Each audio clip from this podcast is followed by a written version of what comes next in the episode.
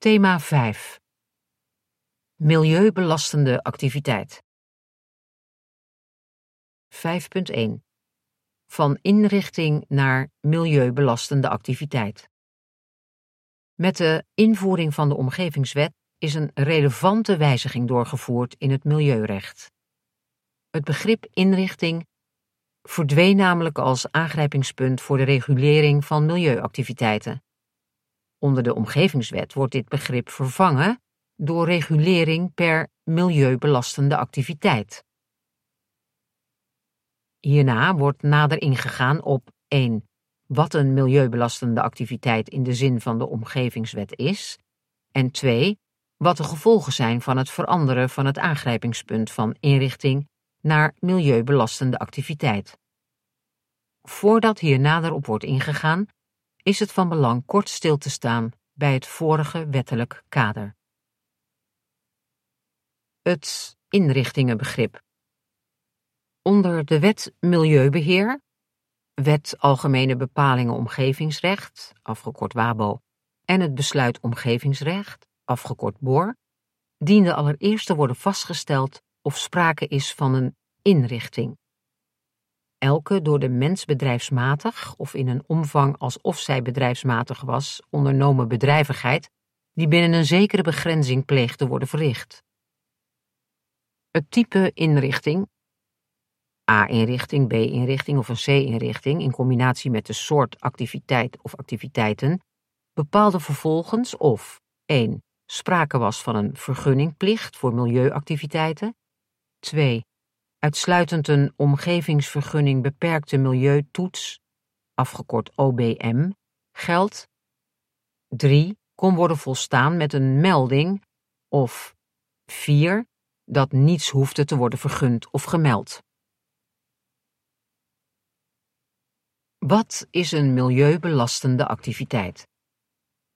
Onder de Omgevingswet verdwijnt het inrichtingenbegrip. Dit wordt vervangen door regulering per milieubelastende activiteit. Een milieubelastende activiteit is onder de Omgevingswet gedefinieerd als een activiteit die nadelige gevolgen voor het milieu kan veroorzaken, niet zijnde een lozingsactiviteit op het oppervlaktewaterlichaam of een lozingsactiviteit op een zuiveringstechnisch werk of een wateronttrekkingsactiviteit.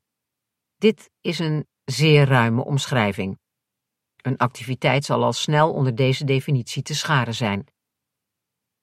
Op basis van deze activiteit wordt bepaald of sprake is van een vergunningplicht, een meldingsplicht of dat uitsluitend aan algemene regels moet worden voldaan. Gevolgen van nieuw aangrijpingspunt. Met het loslaten van het begrip inrichting zijn voortaan ook de activiteiten binnen en buiten de inrichting al dan niet plaatsgebonden en ongeacht de duur daarvan, gedekt door het nieuwe begrip milieubelastende activiteit. Het doet dus niet meer ter zake waar de activiteiten worden uitgevoerd. Dat kan zowel binnen een bedrijf zijn of daarbuiten. De gedachte van de wetgever is om de normen onder de omgevingswet meer te richten op het handelen en niet langer op de inrichting. Als belangrijke verbetering ten opzichte van het vorige recht wijst de wetgever er bijvoorbeeld op dat alleen voor een specifieke milieubelastende activiteit van een bedrijf algemene regels worden gesteld of een vergunningplicht geldt, in plaats van dat deze vergunningplicht voor de hele inrichting geldt. In hoofdstuk 3 van het besluit activiteit leefomgeving, afgekort BAL, zijn de milieubelastende activiteiten aangewezen.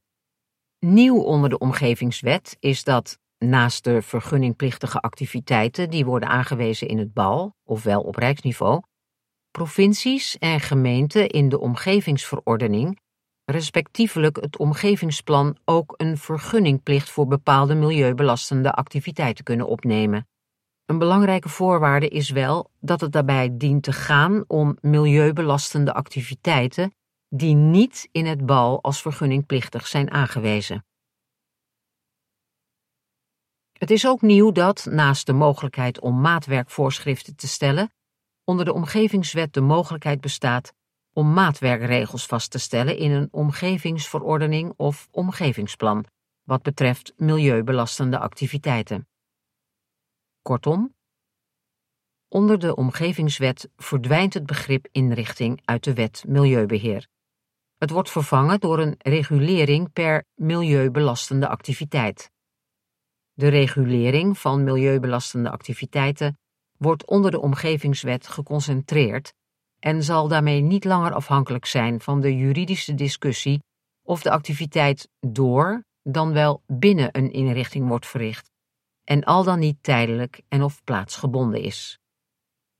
Bovendien gelden onder de omgevingswet niet voor alle milieubelastende activiteiten rijksregels, laat staan een vergunningplicht. Dit biedt voor provincies en gemeenten de mogelijkheid om op provinciaal en gemeentelijk niveau, indien dit noodzakelijk wordt geacht, milieubelastende activiteiten te reguleren. Het is aannemelijk dat dit tussen gemeenten en provincies tot verschillen zal leiden, welke milieubelastende activiteiten al dan niet worden gereguleerd. Het is voor de praktijk daarom van belang om hier waakzaam op te zijn en niet alleen acht te slaan op de rijksregels uit het bal, maar ook te onderzoeken of milieubelastende activiteiten op decentraal niveau mogelijk worden gereguleerd. 5.2 Het verschil tussen een kernactiviteit en functioneel ondersteunende activiteit en de gevolgen daarvan. Alleen in het geval een activiteit in hoofdstuk 3 van het BAL is aangewezen als milieubelastende activiteit, is het BAL van toepassing. Als in een activiteit niet in het BAL is aangewezen, kunnen er wel decentrale regels voor milieubelastende activiteiten gelden op grond van het omgevingsplan, de omgevingsverordening of de waterschapsverordening. In dit hoofdstuk gaan we in op het verschil tussen een kernactiviteit en een functioneel ondersteunende activiteit bij een milieubelastende activiteit. Kernactiviteit. In iedere paragraaf van hoofdstuk 3 uit het bal wordt eerst een kernactiviteit benoemd. Deze kernactiviteit sluit vaak aan bij een proces of een handeling die wordt verricht. Voor bijvoorbeeld het tankstation is als milieubelastende aangewezen het bieden van gelegenheid voor het tanken van voertuigen of werktuigen. Zie paragraaf 3.8.10 bal. Voorbeelden van andere milieubelastende activiteiten zijn het verbranden van afvalstoffen in een IPPC-installatie. Zie paragraaf 3.3, 13 bal. Of grootschalige mestverwerking. Zie paragraaf 3.3.14 bal. Het begrip kernactiviteit moet ruim worden opgevat. Als activiteit A alleen kan worden uitgevoerd met activiteit B, maakt activiteit B onderdeel uit van kernactiviteit A. In het voorbeeld van het tankstation geldt dat de aangewezen kernactiviteit, het bieden van tankgelegenheid voor het tanken van voertuigen of werktuigen, niet kan worden uitgevoerd zonder opslagtanks voor brandstof. De opslagtanks voor brandstof zijn daarom onderdeel van de kernactiviteit. Er kunnen dus meerdere activiteiten onder een milieubelastende activiteit vallen. Vaak worden uitzonderingen gemaakt op de aanwijzing van een milieubelastende activiteit. In dat geval is de betreffende paragraaf niet van toepassing op die uitzonderingen. Te denken valt hierbij aan activiteiten die alleen plaatsvinden tijdens een bouwactiviteit. De uitzonderingen worden veelal als volgt geformuleerd. Onder de aanwijzing valt niet. Het is belangrijk om hierbij voor ogen te houden dat die uitzondering alleen geldt voor de desbetreffende paragraaf. Kortom, een activiteit die is uitgezonderd in een paragraaf van hoofdstuk 3 kan alsnog wel onder een andere paragraaf van hoofdstuk 3 vallen. Verschillende activiteiten die binnen de omschrijving van een aangewezen milieubelastende activiteit vallen, kunnen in het kader van de omgevingswet worden gereguleerd door middel van één vergunning. In het BAL staat omschreven voor welk deel van een milieubelastende activiteit een omgevingsvergunning nodig is. In het voorbeeld van het tankstation is alleen een omgevingsvergunning nodig voor tanken met NLG of waterstof. Functioneel ondersteunende activiteiten. Zoals de naam al doet vermoeden, maakt een functioneel ondersteunende activiteit in beginsel geen onderdeel uit van de kernactiviteit. Functioneel ondersteunende activiteiten staan ten dienste van de kernactiviteit en zouden er zonder de kernactiviteit niet zijn. De term is breed bedoeld. Voor bijvoorbeeld de exploitatie van een sneeuw- of ijsbaan, waarbij een koelinstallatie wordt gebruikt, zie kernactiviteit in paragraaf 3.9.4 bal, zijn volgens de toelichting bij het bal functioneel ondersteunende activiteiten allereerst de technische ondersteuning. Soms wordt een functioneel ondersteunende activiteit echter ook als milieubelastende activiteit aangewezen in het bal. Er staat dan dat de aanwijzing ook andere milieubelastende activiteiten omvat, die worden verricht op dezelfde locatie en die de kernactiviteit functioneel ondersteunen. In het voorbeeld van het tankstation betekent dit dat ook faciliteiten voor personeel en bezoekers, zoals een parkeerterrein, zich als zodanig kwalificeren. Zie artikel 3 296, lid 2, bal. Gevolgaanwijzing als milieubelastende activiteit. Per aangewezen activiteit is vermeld welke algemene regels van het bal gelden, uit hoofdstuk 4 en 5, al dan niet samen met de omgevingsvergunningplicht. Ook geldt voor milieubelastende activiteiten de specifieke zorgplicht van artikel 211 bal en kunnen maatwerkvoorschriften worden gesteld. Zie artikel 213 bal. Kortom, de systematiek van het bal vereist een zorgvuldige lezing om te achterhalen welke regels van toepassing zijn op een specifieke activiteit. Ondanks het feit dat het doel van de wetgever is dat de regelgeving eenvoudiger wordt, verwachten wij dat er bij bedrijven van enige omvang vragen zullen rijzen over de uitleg van en de rijkwijde van het begrip milieubelastende activiteit. 5.3 Het verschil tussen meldings- en informatieplichten in het bal. Zoals eerder uiteengezet, regelt het bal wanneer een bepaalde activiteit een milieubelastende activiteit is.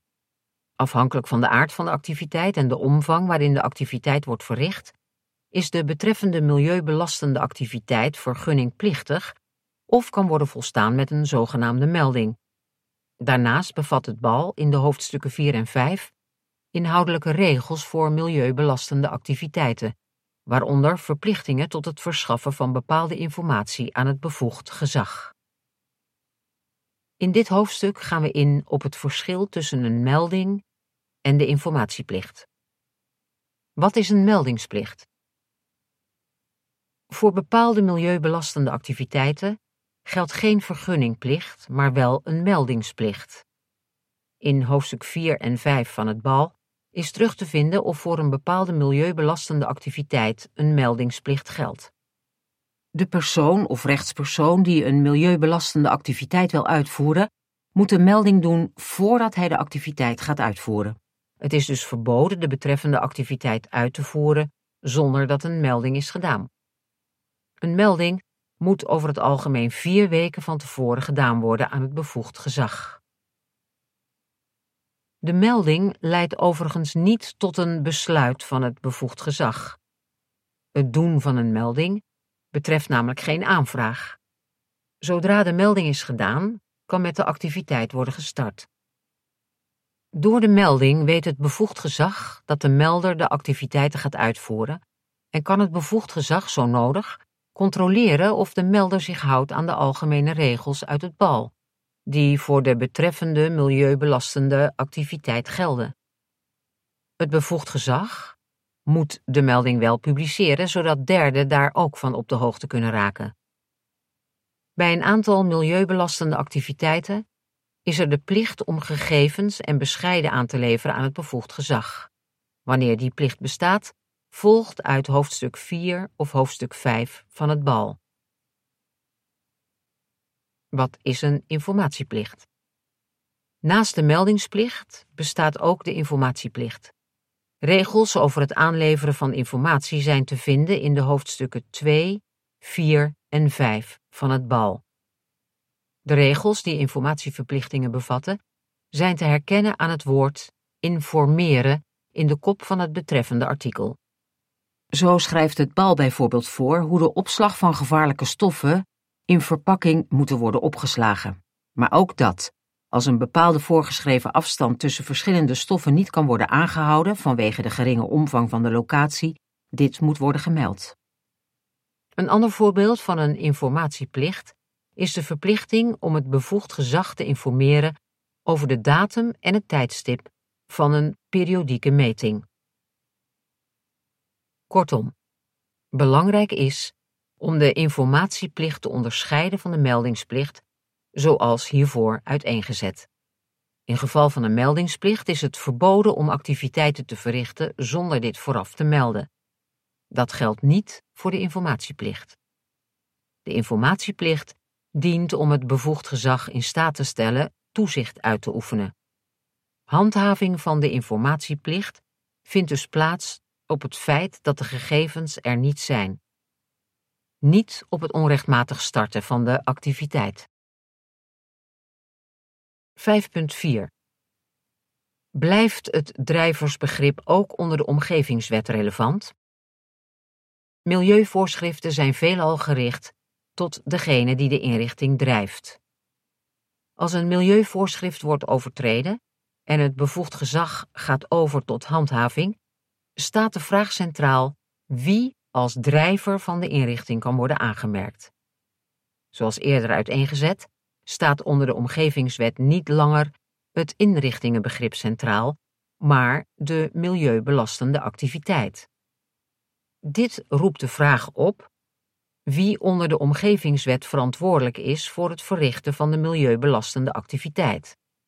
Daarvoor is het relevant om eerst nog stil te staan bij de normadressaatregeling zoals we die kenden tot de inwerkingtreding van de omgevingswet. Voorvraag. Wat houdt normadressaatschap in? Een bestuursrechtelijke norm richt zich in beginsel tot iedereen. Een aantal bestuursrechtelijke normen is echter gericht tot een specifieke adressaat. Dat betekent dat de verplichting uit de norm niet geldt voor iedereen, maar slechts voor de personen of rechtspersonen die in de norm staan omschreven. Denk bijvoorbeeld aan artikel 1.10 activiteitenbesluit milieubeheer, waaruit volgt dat degene die een inrichting opricht, dit tenminste vier weken voor de oprichting aan het bevoegd gezag moet melden. De meldingsplicht geldt hier dus niet voor iedereen, maar slechts voor degene die een inrichting opricht. Het achterhalen van de normadressaat is allereerst relevant voor de vraag of sprake is van een overtreding. Denk bijvoorbeeld aan het niet naleven van een milieuvoorschrift of een milieuvergunningsvoorschrift. Om tot handhaving over te kunnen gaan, is het voor het bevoegd gezag van belang om een overtreder aan te kunnen wijzen. Bestuurlijke sancties, zoals een last onder dwangsom of een bestuurlijke boete, kunnen vaak enkel aan de overtreder worden opgelegd aan wie milieuvergunningvoorschriften onder de WABO geadresseerd waren. Op grond van artikel 225 WABO is degene die verantwoordelijk is voor het uitvoeren van een project normadressaat van de vergunningvoorschriften. In jurisprudentie over inrichtingen wordt de term drijver van de inrichting gehanteerd. Aan de hand van de feiten en omstandigheden wordt vastgesteld wie de drijver van de inrichting is. Het is overigens mogelijk dat meerdere rechtspersonen worden aangemerkt als drijver van de inrichting. In dat geval zijn in beginsel alle rechtspersonen met zeggenschap verantwoordelijk voor het naleven van de normen.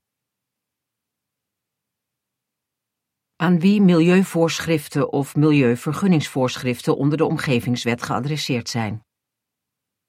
Op grond van artikel 537 Omgevingswet is degene die verantwoordelijk is voor het verrichten van de activiteit normadressaat van de vergunningvoorschriften.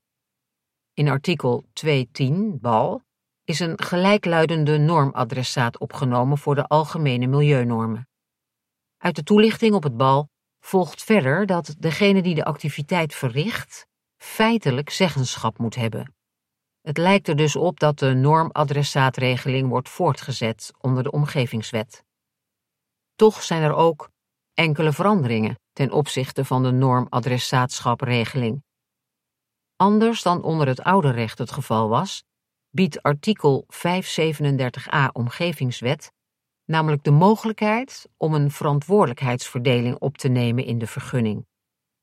Indien er meerdere vergunninghouders zijn, kan onder de omgevingswet dus worden vastgelegd welke deelvergunninghouder de verantwoordelijkheid draagt voor de naleving van bepaalde onderdelen van de vergunning. Hierbij is het mogelijk om de verantwoordelijkheid voor de naleving van een vergunning in haar geheel te verdelen over de verschillende vergunninghouders. Maar er kan ook voor worden gekozen om de verantwoordelijkheid voor de naleving voor slechts een deel van de vergunning te splitsen en een ander deel, dat bijvoorbeeld ziet op een gezamenlijke voorziening als een afvalwaterzuiveringsinstallatie niet. Het bevoegd gezag kan de verdeling overigens niet ambtshalve maken, maar alleen op verzoek of met instemming van aanvragers. Kortom, hoewel de term drijver van de inrichting in de omgevingswet dus niet letterlijk is teruggekeerd, blijft het drijversbegrip wel relevant bij het achterhalen van de verantwoordelijke voor het verrichten van een milieubelastende activiteit. Daarnaast bevat de omgevingswet de expliciete mogelijkheid om een verantwoordelijkheidsverdeling op te nemen wanneer er sprake is van meerdere vergunninghouders.